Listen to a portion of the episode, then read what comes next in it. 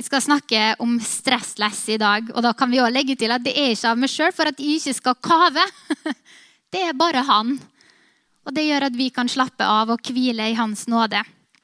Og stressless, ja. Ehm, da tenker jo vi på Ekornes AS. Her er sunnmørsbedrifter. Stressless.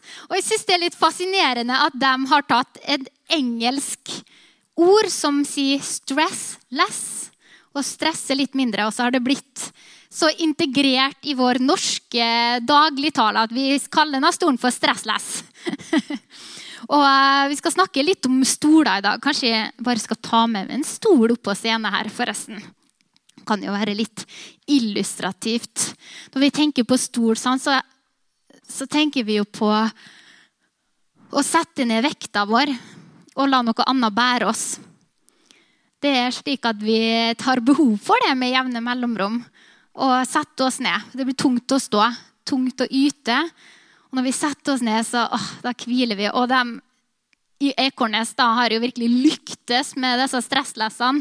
Du kan se evolusjonen til stressless hvis du googler stressless. Og så går du på bilder, så får du se disse retro gamle. Jeg vet ikke om det var på 70-tallet at de slo gjennom fram til mer moderne, og det er fokus på komfort og liksom kroppens eh, Hva heter det? Dynamikk, eller liksom Ja. Du skal sitte godt, da. Du skal slippe å bevege en muskel når du sitter, for du er støtta opp og båret. Um, og jeg har lyst til å gå til Jesaja kapittel 30 i dag. Her er det en veldig fascinerende beretning som eh, jeg syns taler veldig til oss mennesker i dag når det handler om det med stress og det med å stole på Herren. Og Hvis vi går til vers 15 aller først, og så skal vi ta med litt bakgrunn igjen etterpå. Gå litt bakover. Så sier Herren Gud, Israels hellige, hvis dere vender om og hviler skal dere bli frelst. Oi! For et fantastisk budskap å få høre. Hvis du bare vender om og hviler, da skal du bli frelst. Det høres kjempeenkelt ut. Oi! Jeg kan bare sette meg ned, og så skal jeg bli frelst. For i stillhet og tillit, tillit skal deres styrke være men dere ville ikke.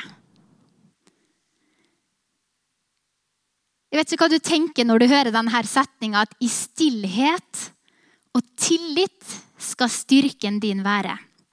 Hvilke assosiasjoner får du? Hvis vi går til sammenhengen, da Bare lese de tre første versene i kapittel 30 her så er det et profetisk budskap da som blir talt. Ved de opprørske barna, sier Herren. De som følger råd som ikke er fra meg. Som slutter en pakt, men ikke ved min ånd. Slik legger de bare synd til synd. De bryter opp for å gå ned til Egypt uten at de har bedt om råd fra min munn, for å gjøre seg sterke ved faraos styrke og for å ta sin tilflukt i Egypts skygge. Så Israel hadde behov her. Og så begynner de å se etter løsninger. Så går de til Egypt fordi de vil gjøre seg sterk ved faraos styrke. De tenker der kan kanskje være en mulighet, der kan være en løsning. La oss gå til Egypt. Og la oss ta vår tilflukt i Egypts skygge. Og så sier Gud, men faraos styrke skal bli til skam for dere, og tilflukten under Egypts skygge skal føre til vanære. Og hvis vi gjør et lite hopp til vers 7, så sier Gud videre, for hjelpen fra Egypt er forgjeves og nytteløs. Og så går vi til vers 15. Så sier Herren Gud, Israels hellige, hvis dere vender om fra å gå deres egen vei, fra å lete etter egne løsninger, og hviler skal dere bli frelst. I stillhet og tillit skal deres styrke være. Men dere ville ikke. Dere sa nei, vi vil flykte på hester. Og derfor skal dere sannelig flykte. Og dere sa, vi skal ri på raske dyr. Derfor skal de som forfølger dere, være raske. Så Israel fulgte råd som ikke kom fra Gud. De laga avtaler med andre for å gjøre seg sjøl sterk ved deres styrke og ta sin tilflukt i deres skygge. Og Når Gud da inviterer dem til å vende seg om fra det her og hvile, så sier de at vi vil ikke. Vi, vi har vår egen strategi. Vi vil følge vår egen styrke. Og da får jeg mange tanker inn i mitt eget liv. Det her er egentlig litt den oppskriften som jeg vet at jeg følger i mange situasjoner. Når man står overfor en utfordring og man blir litt desperat og man kjenner at ting strammer seg til og det blir vanskelig, så begynner man å se etter løsninger. Og Hvis du er litt sånn taktisk som jeg er, så, så flink på planlegging og liksom eh, Strategen kommer ikke naturlig for meg. Da ser jeg fort løsninger. Ja, men Hvis vi bare gjør sånn, og hvis vi snakker med den, og så gjør vi slik, og sånn, så ja, da blir det bra. Og så begynner man å springe inn i det som man trodde var en god løsning. Og så blir det litt sånn som Gud sa. Nei, men altså, den, her, den styrken der, den er forgjeves. Og det her, det er nytteløst. Hvorfor søkte du ikke råd hos meg først? Hvorfor sjekka du ikke inn med meg? Men vi har ikke helt bygd opp denne tilliten i Gud som gjør at når det stormer imot oss, når vi kommer i utfordringer, at vi våger å lene oss tilbake og bare ta en timeout og så spør Herren Herre, hva, hva skal jeg gjøre? Hva er det du sier, Herre? Sånn som det står om David. Da leiren hans hadde blitt plyndra mens de, alle mennene var ute i krig. og Så blir leiren plyndra, og de hadde tatt hustruene og dyra og alle verdisakene. Og når de kommer tilbake til leiren, ser her, så vil de jo drepe David. Og da står det at han satte seg ned og styrka seg i Herren. Så det her er litt om det som jeg har lyst til å snakke om i dag. Da, å finne vår plass i Gud, hvor vi finner hvile og trygghet uansett omstendighet. Det her handler mye om posisjonering. Hvor posisjonerte israelsfolket seg når de sto i denne utfordringen? Dere må gjerne lese mer inngående sjøl disse versene, her, for det er kjempeinteressant. Men de posisjonerte seg ikke hos sin Gud. De posisjonerte seg i sin egen smarte tankegang som de tenkte nå her ser vi løsninger, her ser vi strategier, det her går vi etter. Istedenfor å posisjonere seg og legge vekta si hos Herren. Og Da kan vi spørre oss hvor legger vi til vår trygghet? Hvor finner vi vår styrke? Og Det var en gang i en situasjon i mitt liv hvor jeg kjente at jeg hadde stort på noen mennesker i en viss situasjon. Jeg tenkte at dem, de her, de, her vi står sammen. Med deres hjelp skal dette gå bra. Og så tok de noen valg som gjorde at vi gikk i hver vår retning. Og så var det innmari sårende for meg. Det var veldig dyptgripende og gjorde at de vakla. Og da kjente jeg sånn korrigering fra Gud. Det med at han er klippen. Jeg, ikke, jeg, skal stole på mennesker. Vi kan ikke da respondere med at vi bare trekker oss inn i oss sjøl og bare velger at vi ikke stoler på noen, for det er ikke sunt. Vi skal stole på mennesker men det er ikke der jeg legger vekta mi.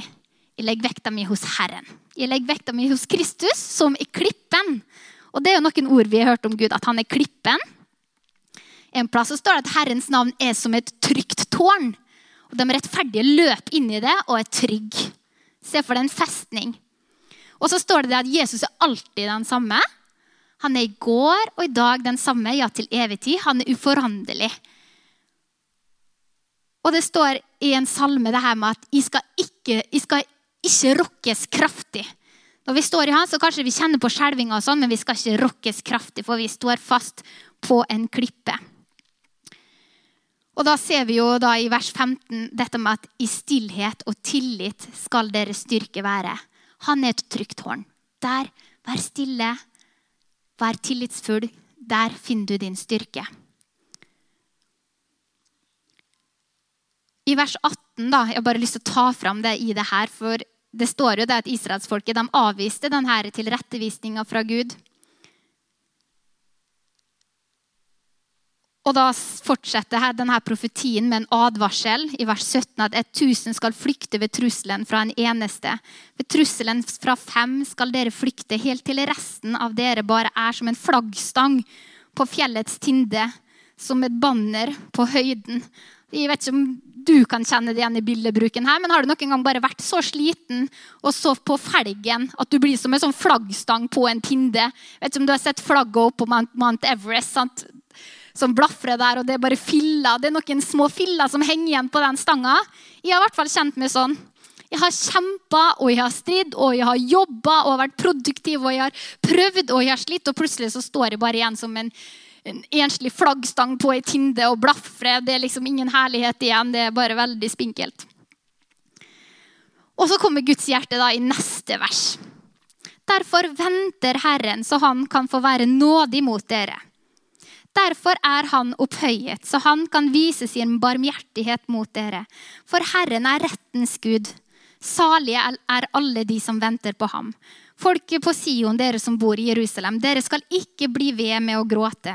Så snart deres rop lyder, skal han sannelig være nådig. Når han hører det, skal han svare dere. Herren skal gi dere nødens brød og trengselens vann. Da skal ikke dine lærere lenger være skjult, men med dine øyne skal du se dine lærere. Dine ører skal høre et ord bak deg som sier, 'Dette er veien, gå på den', hver gang du vender deg til høyre eller venstre side. Så når israelsfolket var der, de har kjempa, de har lett etter løsninger, og Gud har sagt, 'Bare vend dere om og hvil', men så vil de ikke, og så fortsetter de, og de må flykte og står igjen som et sliten flagg på en tinde, så sier Gud, ja, men jeg står her og venter. Jeg er barmhjertig og jeg er god. Og når dere kommer til meg, da skal jeg ta hånd om dere. Jeg er nær. Jeg kommer til å hjelpe dere da. Da skal dere igjen se deres lærere, og her finner dere løsninger. Så Gud er ikke avvisende når vi strever og kjemper i egen kraft, og vi kommer til enden av oss sjøl. Da står han der. Det står i, i en av Tessalonikerbrevene, tror jeg, at om vi er troløse, så er han likevel trofast, for han kan ikke fornekte seg sjøl. Så Gud han er alltid god. Han er ja, Det er vanskelig å forstå hvor Gud han er, god Gud er. Han er bedre enn vi tror.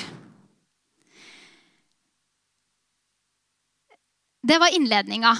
Og så har jeg lyst til å snakke litt om hvordan håndterer man frykt og bekymring når man kommer inn i en situasjon og det er vanskelig. Eller kanskje man altså Bare livet i seg sjøl byr jo på mange frykt og bekymringer om man ikke er i noen katastrofe eller krise. Jeg syns i hvert fall det at eh, bare det å være mor, f.eks., selv om egentlig alt går greit, så finnes det mange muligheter til å bekymre seg og være urolig. Eller økonomi eller samfunnet. Vi har jo vært gjennom en verdensvid krise eller står fortsatt i den. Vi har mange anledninger til å gå og være redd og være bekymra. Og jeg alltid, Fra jeg var, var lita, så har jeg alltid hatt et behov for å skape kontroll og beskytte og ta vare på dem rundt meg. Um, og det utvikla seg etter hvert til angst og depresjon. Og det er jo litt sånn, Vi har jo alle litt sånn grunnstress i livet vårt. Nå får vi litt sånn, ja, nå er jeg ikke noen sånn fagmenneske på det her, men jeg har måttet ha satt meg veldig mye inn i det fordi at uh, jeg sjøl har hatt mye frykt og stress, og det har leda til psykisk sykdom eh, i perioder. Og vi har alle litt sånn grunnstress i livet vårt. Det går på, og det er helt sunt og det er helt vanlig. Litt sånn eh, ja, oh, nå må jeg passe på at jeg ikke får sove meg i morgen tidlig. Jeg skal på en viktig oppdrag, eller jeg skal på jobb. og hva skal vi ha til middag i morgen? og så må jeg huske barna skal dit, eller eh, et eller annet med bilen. Altså, alle har litt sånn grunnstress som holder oss litt på hugget og osv. Eh, og av og til så eskalerer det grunnstresset hvis du legger til. Kanskje man driver og pusser opp. Kanskje man har en relasjon i tillegg oppå det igjen som, som eh, blir konfliktfull. Og så blir det kanskje sykdom i nær familie eller i eget liv. Og så, og så bare baller det på seg, og så blir vekta på sjela vår den blir bare tyngre og tyngre. Og hvis vi da tenker på ei bro, så har de et stresspunkt. Den er konstruert for å å bære ei viss vekt. Men hvis du plasserer større vekt på den broa enn den er konstruert for, så vil den kollapse. Og litt sånn kan sjela vår være. da. Hvis du plasserer mer stress eller mer vekt på sjela di enn det den er rusta til å takle, så vil sjela kollapse. og Da kommer man gjerne inn i det som vi kaller for angst eller depresjon, og man får panikkanfall osv. For vekta av alt det som man står i, blir så stort. Uh, og det har jeg stått i sjøl. Og gjennom alt dette her så har jeg gått gjennom mange prosesser for å jobbe meg ut av både få ned grunnstresset um, og komme inn i en tilværelse av hvile igjen. At det ikke bare ser rolig ut på utsida, men det er også rolig her på innsida. Du har Anna, vet du, når hun ligger på vannet, så ser hun veldig rolig ut. Men under vannet så padler hun hele tida. Og sånn kan mange av oss være. Vi kan se så rolig og beherska ut på utsida, men så inni så padler vi og tenker og grunner. Og, hva tenkte om den personen om meg nå? Og hvorfor sa han det? Eh, og hvorfor oppførte den Og hvorfor hilste ikke den personen på meg når hun kom inn? Har jeg gjort noe galt? det pågår hele tida. Men sånn skal det ikke være. Vi kan finne et sted av Gud i tillit, og vi kan også gi slipp på kontrollen. og Det handler det også mye om når vi finner at i stillhet og i tillit skal vår styrke være. Så hvordan håndterer i da, bekymring og frukt? Dette er jo ikke noen sånn komplett oppskrift eh, for alle, men dette er i hvert fall noen nøkler som vi har funnet, og som har hjulpet meg ut av en tilstand av frykt og angst og inn i en fred som vi bare kan gi Gud æren for. Det første det er en åpenbaring av Guds kjærlighet. At Gud han har skapt meg, og at han elsker meg uendelig høyt. Og at det er ingenting jeg kan gjøre for å få han til å elske meg mindre. Det kan vi ofte være redd for. Ikke behage å ha nok, eller åh, nå har jeg feila. Det er heller ingenting jeg kan gjøre for å få han til å elske meg mer. Han har gjort alt. Det er fullbrakt. Og Da kan vi gå til første Johannes brev, kapittel 4, og vers 17.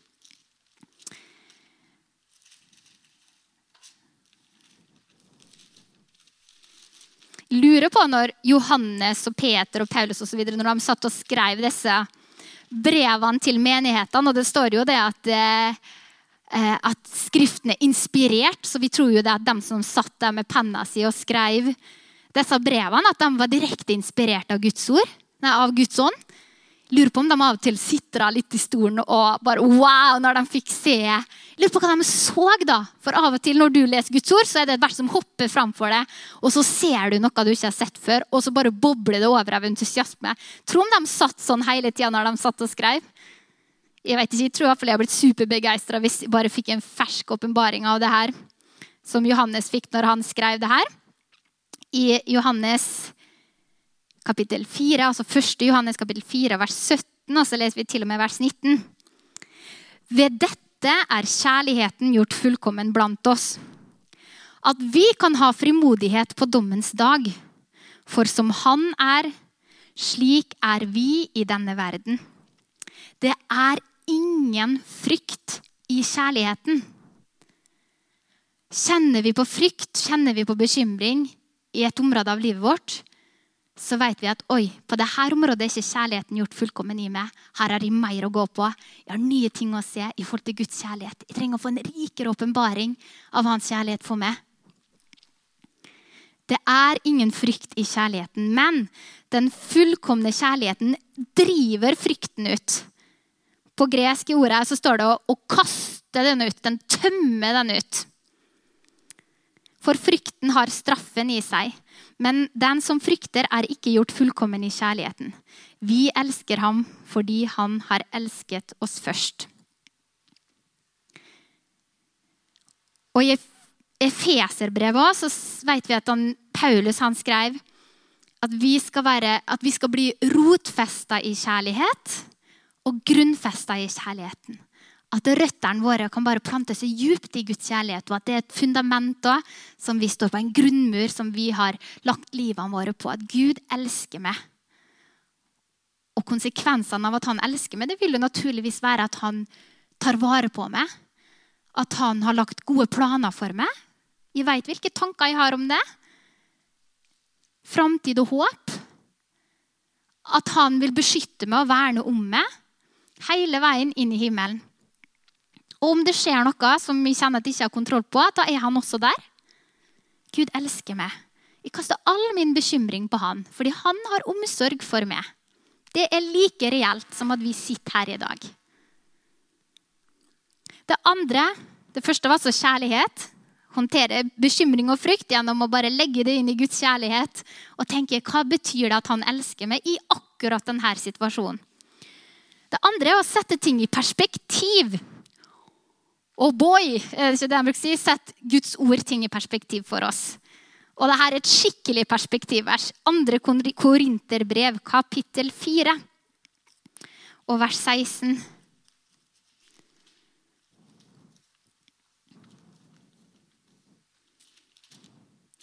Og det med å sette ting i perspektiv, det betyr jo å sette en konkret sak i lys av en annen sak. For det kan endre seg, nemlig. Du har en konkret ting, du ser det på én måte. Men så får du litt mer informasjon, og så plutselig så ser du den tingen i et helt annet lys. Da oppfatter du det på en helt ny måte. Det er, i bunn og grunn det å sette ting i perspektiv. Og 2. Korinterbrev kapittel 4 vers 16 så sier Paulus Derfor mister vi ikke motet. For selv om vårt ytre menneske går til grunne, blir likevel det indre mennesket fornyet dag for dag. Her har du en perspektiv. Å, vårt ytre menneske går til grunne! Da kan man jo bli kjempefortvila. For et utsagn! Skulle ikke du være oppmuntrende, Paulus? Vårt ytre menneske går til grunne. Og så sier han liksom da i neste åndedrag blir likevel det indre mennesket fornyet dag for dag. For vår trengsel, som er lett, og som bare varer en kort stund, virker for oss en enda mer overstrømmende og evig fylde av herlighet. Og her har vi et perspektiv. For vår trengsel, som er lett og varer bare en kort stund. Oi, men noen lever jo i trengsel fra de er født til de dør. Er det en kort stund? Hele livet i trengsel. Det er helt reelt. Andre, vi lever i ei skikkelig boble her. Og har det så godt på, sang, på så mange områder. Eh, men så har du andre deler av verden der det ikke er hjelp å få i forhold til helse, f.eks., sånn som vi har. Eller du har ikke Nav. Eh, eller de lever under eh, dramatisk forfølgelse. Altså Områder av verden med helt annet menneskesyn også enn det som vi er heldige å ha her i Vesten. Du er ikke verdt noe hvis du ikke er av den kasten, f.eks. i India. Eller ja, et menneske har ikke den verdien. Så er vår trengsel kortvarig og lett men da tar han det i perspektiv da, i neste setning. Da. Den virker for oss en enda mer overstrømmende og evig fylde av herlighet. Hvis du setter et liv av lidelse opp mot en evig fylde av herlighet, så stemmer det det at trengselen er kortvarig og lett.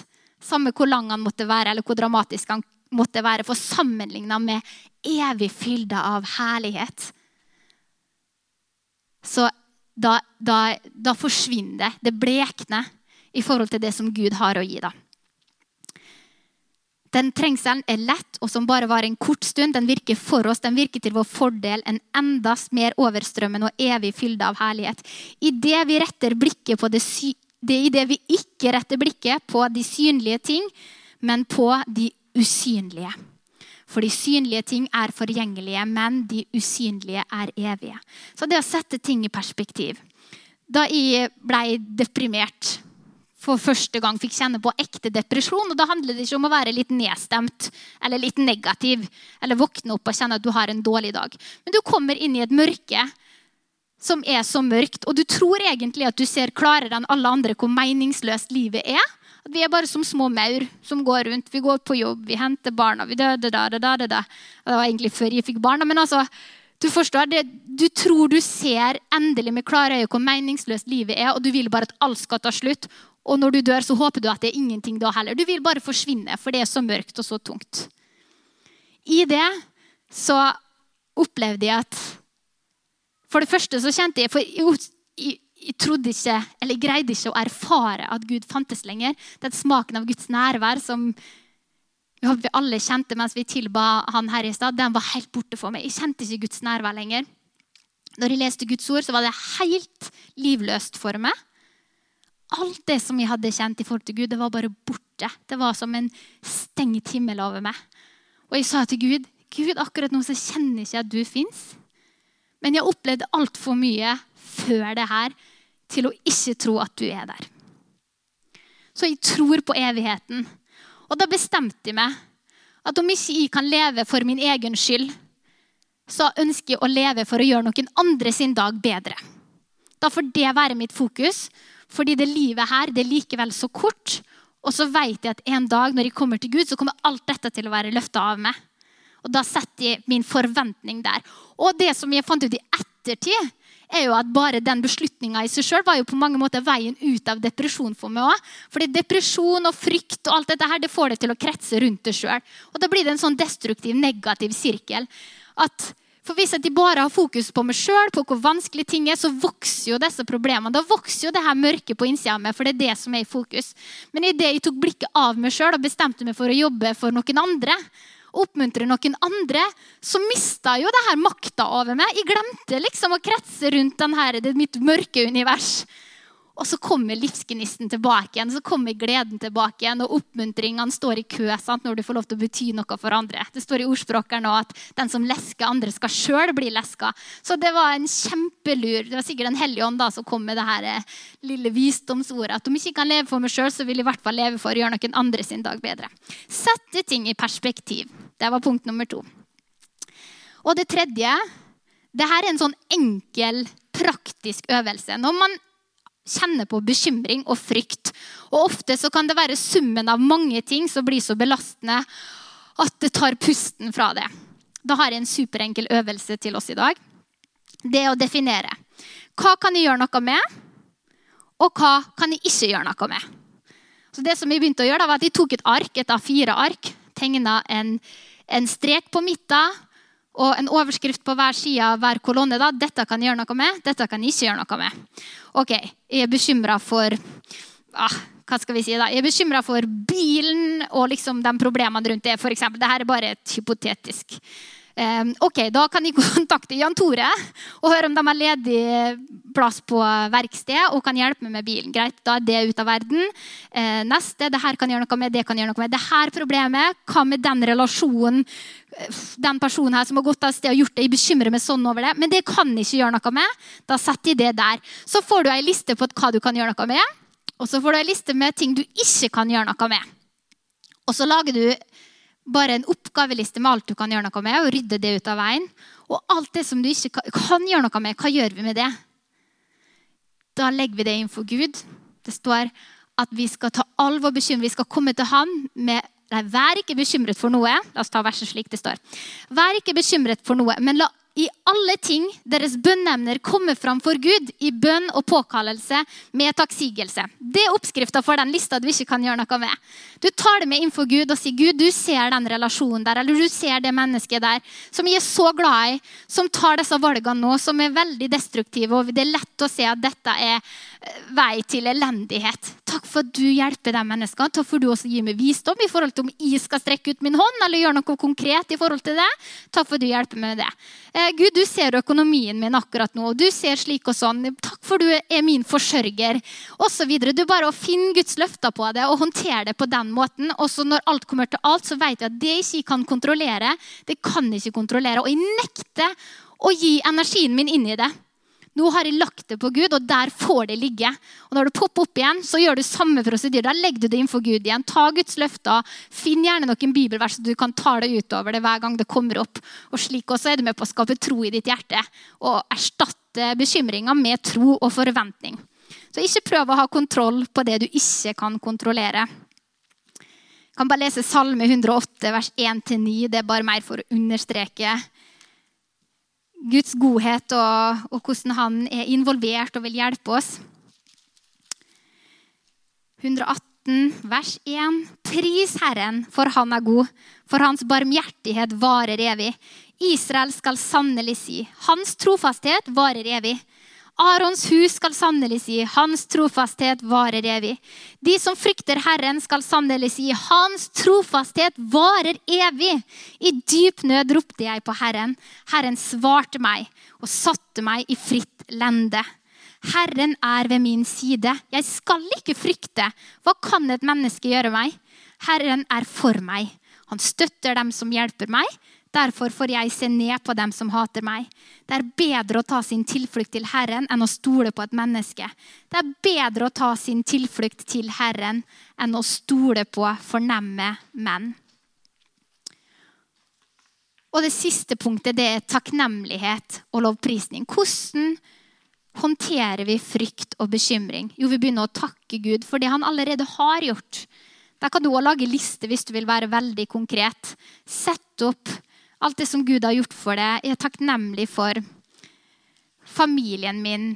Jeg er takknemlig for bilen som vi har. Jeg er takknemlig for den og den relasjonen eller den vennen. Jeg er takknemlig for at de bor i et land der de tross alt har et liksom, Tenk at i det offentlige så har vi faktisk et sikkerhetsnett rundt oss som vi kan få hjelp fra. Er det ikke alltid det heller slår til. Men, men liksom bare finne det som er positivt, da. Og da står det i 1. Tesalonikerbrev kapittel 5 og vers 16. Gled dere alltid. Be uten opphold. Takk under alle forhold. For dette er Guds vilje for dere i Kristus Jesus. Utslukk ikke ånden. Forakt ikke profetier. Prøv alle ting og hold fast på det som er godt. Avstå fra enhver form for ondskap. Må fredens Gud selv hellige dere helt igjennom, og må deres ånd, sjel og kropp helt og fullt bli bevart ulastelig ved vår Herre Jesu Kristi gjenkomst. Han som kaller dere, er trofast, og han skal også gjøre det. Så når vi tilber og priser Gud og passer på å bare bevare et hjerte av takknemlighet, så setter fokusen vår på rett ting. For det er jo det bekymring og frykt er jo å gå og meditere på noe. Vi mediterer på det som negative som vi forventer eller tror eller frykter kanskje skal skje. Og jeg, tror, jeg vet ikke hvordan man helt reelt sett lager statistikk ut av det, men jeg hørte i hvert fall det at om det var 90% av alt vi bekymrer oss for, skjer aldri. Eller om det var 95 òg, eller kanskje mer. Men det er altså veldig masse du har gått og vært redd for, har ikke skjedd. Det hadde jeg tenkt på mange ganger òg. Jeg gleder til den dagen hvis jeg får lov å bli ei gammel dame da. Og tenke tilbake på Å ja, nei, men jeg blei aldri dødelig sjuk og død i ung alder. Eller, eller det her skjedde altså, mange, Vi har mye katastrofetanker. Jeg tror alle sammen har det. De mest oppegående og tryggeste og blideste av oss har nok litt katastrofetanker. Daniel? Og Daniel har litt katastrofetanker. Hvis han kan innrømme det, så kan alle det. og når vi også priser Gud, så forstørrer vi òg Gud. og Det tror jeg jeg nevnte her før en gang, at et av de engelske ordene for lovprisning er 'magnify'. Og Det er samme ordet som er for forstørrelsesglass. 'Magnify the Lord' står det på engelsk i, i, i Bibelen. Og Jeg er ikke helt sikker på hvordan det er oversatt på norsk, faktisk, men, men forstørr Herren. da. Så hvis at du har et tema som bare skriker i ansiktet på deg og brøler liksom, Hva, det her kan skje, eller nå er det katastrofe, og så begynner du å magnify the Lord i stedet. Så tar du forstørrelsesglasset av problemet, og så setter du forstørrelsesglasset på Gud og alt det han kan gjøre. Han stiller stormen. Han reiser opp de døde. altså Han kan gjøre alt, han. Da slipper du å gå rundt med et sånn mørke og en tunghet på innsida. Da har du den situasjonen hvor at du liksom kan ha et spring i stegene. Og selv om egentlig alt er kaos i livet ditt, så har du fred som overgår all forstand. For blikket ditt er ikke på kaoset, blikket ditt er på Gud. Og hos Gud er det ikke noe kaos. Gud sitter ikke og skjelver på trona si og bekymrer seg. Da kan du sitte i den stresslesen i lenestolen Istedenfor en sånn gyngestol sant, der du sitter og beveger og beveger. Men nei, vi har fred. I stillhet og tillit skal vår styrke være. Sant, Daniel? Når man har katastrofetanker, så kan man lene seg på Gud. Setter man vekta si ned og tenker Gud, takk for at du er med meg. Takk for at du har kontroll. Og at det skal ordne seg. Og så går det an å be om hjelp òg, selvfølgelig. Når vi kjenner at nå, nå har jeg ikke engang nok kraft til å sette meg inn alene i stolen. Det er for voldsomt for meg. Det å ta en telefon eller å dra hjem til noen og si kan du hjelpe meg, kan vi be sammen? Det her er for overveldende for meg. Det benytter vi oss altfor sjeldent av. Vi har en menighet, faktisk, av trossøsken, og vi er her for hverandre. Det er mange som er så åpne for din telefon når du er overvelda og trenger hjelp. Så bruk den. Så vil jeg bare avslutte med Salme 23. For det har vært et sånt vers. Det budskapet her har jo jeg forberedt i årevis. Dette er noe som, Jeg skal snakke som Paulus nå, så skal jeg skrive et helt kapittel til, Edvard. Så slipper du å stå her framme og vente på meg. Um, Salme 23 har vært et sånt vers som vi bare har gjentatt igjen og igjen for meg sjøl. Og den går litt sånn på automat når jeg trenger det. Og hvis du våkner på natta og er urolig, Åh, Herren er min hyrde. Jeg mangler ingenting. Det er å sette ting i perspektiv. da. Trenger ikke å gå til noen andre for å få mine behov møtt. Og Hvis vi skal snakke litt om sauer, da. Nå er pappa sauebonde, så hvis jeg sier noe feil, så kan han korrigere meg. Men jeg har faktisk vært inne på Dyrevernalliansen og henta informasjon òg. Sauene var et av de første dyrene som ble temt av mennesker for tusenvis av år siden. Og det var trolig Midtøsten. Så derfor er det nok derfor vi, eller David hadde så mye kunnskap om sauer, og at det var naturlig å ta fram sauen i, eh, i Salme 23. Og så er det kanskje litt fordi sauene er litt like oss. En sau har faktisk et, en notorisk evne til å gå seg vill. Har du lest i Bibelen der det står at vi får alle vill som får? Og en sau er et forsvarsløs og et lett bytte for rovdyr. De har ingenting å forsvare seg med. De har ikke skarpe horn eller eh, liksom eh, klør eller sånn. De har ingenting å forsvare seg med. Så sauer i rovdyrtrette strøk de lever ofte i konstant frykt og unngår både gode beiteplasser og hvilesteder for å unngå rovdyr. Åh, har ikke vi vært der i vår sjel, da? Går i konstant frykt. Og Derfor går vi glipp av gode beiteplasser og hvilesteder. Vi er sånn på vakt. Vi må hele tida se etter nærmeste utgang eller nærmeste løsning. Vi går og grunner på hvordan skal jeg håndtere det her, da? hvordan skal jeg takle det her, hvem skal hjelpe meg med å ta det her, da? hvordan skal det løse seg? Nei, i stillhet og tillit skal din styrke være. Og så begynner han da å si med 'Herren er min hyrde'. Det er han. Og implisert så sier han det da. Og jeg er hans sau. Han er skaperen av himmel og jord. Han er den allmektige. Han er den allvitende.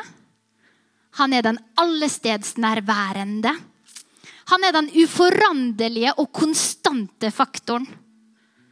Han som kan stille stormen han som beseirer graven. Han som gir mening og verdi til livet. Han som satte stjerner og galakser i system. Bare der kan vi holde på ei stund. Han satte stjerner og galakser i system. Tror du han kan skape system i livet ditt? Han har litt trening. Han som kan designe mennesket, hjernen med alle dets funksjoner, det fantastiske øyet, motorikken vår, sjelslivet vårt, med alle våre personligheter og fasetter. Og han som er så tankesprengende mektig og stor, han kan likevel komme til oss som et mildt vindpust. Som stryker oss på kinnet, og han kan være oss nærmere enn en søster eller bror. Han er vår trøst, vår glede. Herren er min hyrde. Og jeg mangler ingenting. David har her funnet en kilde som er så rik at all følelse av mangel og det å være misfornøyd har blitt oppslukt i den kilden. Når jeg har Herren, så behøver vi faktisk ikke noe annet eller noen andre. Jeg har alltid ham. Han er så tilfredsstillende, og den relasjonen som jeg har med han, er så tilfredsstillende at jeg trenger ikke å være avhengig av noe annet. Og jeg trenger ikke å gå til noen andre for å få mine behov møtt. Herren er min hyrde, og jeg mangler ingenting. Han lar meg ligge på grønne enger, og han leder meg til hvilens vann. Og Da hørte vi jo dette da om eh, sauene da, som er lette bytta for rovdyr og har ingenting å forsvare seg med, annet enn å flykte. Så for at en sau skal legge seg ned og hvile, så trenger de at alt er på plass. De må vite at det er ingen rovdyr her, det er ingen konflikt i flokken. Det er ingen sult i magen eller insekter i lufta. Beiteperioden da, hvor sauer går fritt, det kan ofte bli ei pinefull tid når de ikke har tilstrekkelig tilsyn. Det er kanskje pga. skader eller ulykker eller giftige planter og rovdyr osv. De, de trenger en hyrde. De. de trenger hjelp, slik som vi. Og så maler da David det her nydelige bildet av at han lar meg ligge i grønne enger. Han leder meg til hvilens vann. Sauer som ligger og hviler og spiser mett på det grønne gresset og drikker av vannet. Og så er hyrden der like ved, omringa av noen av sauene, og våker over flokken sin. Han lar meg ligge. Han leder meg. Det er han som er den aktive i alle disse setningene her. Og så sauen sin jobb er bare å følge hans ledelse. La han tilrettelegge, ha festa øynene på hyrden, så får vi hvile. Han gjenoppretter min sjel, og han leder meg på rette stier for sitt navns skyld. Og så sier han, fordi du er med meg, om vi så vandrer gjennom dødsskyggens dal, så frykter jeg for noe ondt. Hvordan kunne David si det om vi vandrer gjennom dødsskyggens dal? Når faren er der og katastrofen er til stede, men så frykter jeg for noe ondt. Fordi du er med meg. Han visste han hvor han skulle feste blikket sitt. Han så ikke på problemet, han så heller ikke på de andre sauene. Han så på kjeppen og staven som hyrden hadde med seg. I Salme 56 vers 4 så står det Den dag jeg frykter, vil jeg stole på deg. Og så fortsatte han da. du salver mitt hode med olje. Og I gamle Israel så brukte de olja for tre årsaker. Det var for at insekter skulle holde seg unna.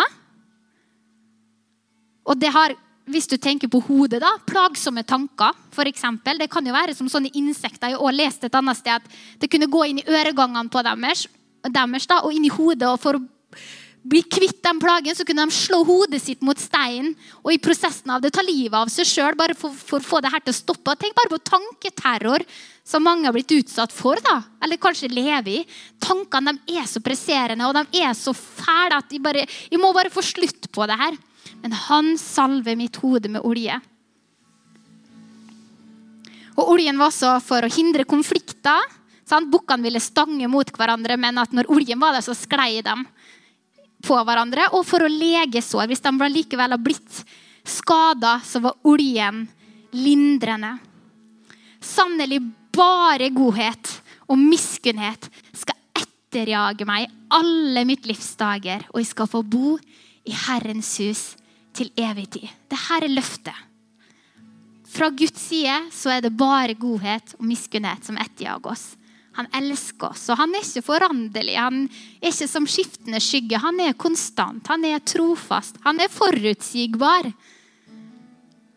Og så skal jeg få bo i Herrens hus til evig tid. Og med det perspektivet Come with me. Altså, uansett hva som møter meg. Det skal gå bra med meg.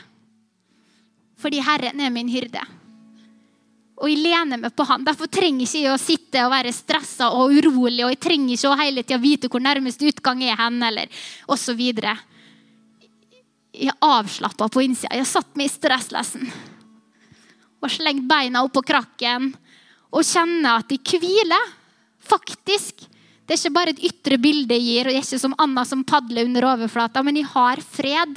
For jeg vet at Gud jobber for meg, og jeg vet at han vil gi meg de strategiene som jeg trenger. Han vil lede meg, han vil føre meg. Og Jeg vil ikke være som israelsfolket som springer ned til Egypt og finner tilflukt der og, og, på en måte vil finne min styrke i deres styrke. Eller stoler ikke på mennesker først og fremst. Jeg har vekta mi hos Gud Det kommer til å gå bra med meg. Så Vi takker himmelske far. Vi venner oss til det nå på slutten her. og Takker deg for at du er en god Gud. Takk for at du er vår hyrde, og vi mangler ingenting. Når du er vår kilde, så trenger vi ikke å gå til noen andre for å få våre behov møtt, far. Ber om at du hjelper oss alle å finne den tilflukten i det, Herre. I alle områder av livet våre, Herre. At fullkommen kjærlighet skal få drive frykt og bekymring ut, Herre. Og Der det har gått så langt Herre, at vi har kommet inn i angst og depresjon, og det er tøft og vanskelig der, så takker Gud for at det også fins vei ut av det, Herre, i det. Takk for at du er vår helbreder. Og vi ber også for dem som hører på gjennom podkast og opptak, Herre. Bare takker for at du er til stede med din helbredende kraft, Herre. Takker for at du sender mennesker til hjelp, slik som israelsfolket når de var i Egypt, så står det at de ropte ut til Gud om hjelp. Og så står det at Herren hørte, og så kalte han en mann. Han sendte Moses til dem. Takk for når vi roper til det, Herre, så plukker du ut redskap til å komme til hjelp, Herre. Hjelp oss å gjenkjenne den hjelpa som du sender, Gud.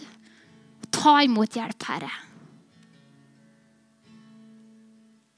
Og så hyller vi det, og vi ærer det. Du fortjener all ære for alt det som du gjør i livene våre, Herre så gir vi det ære og pris. Amen.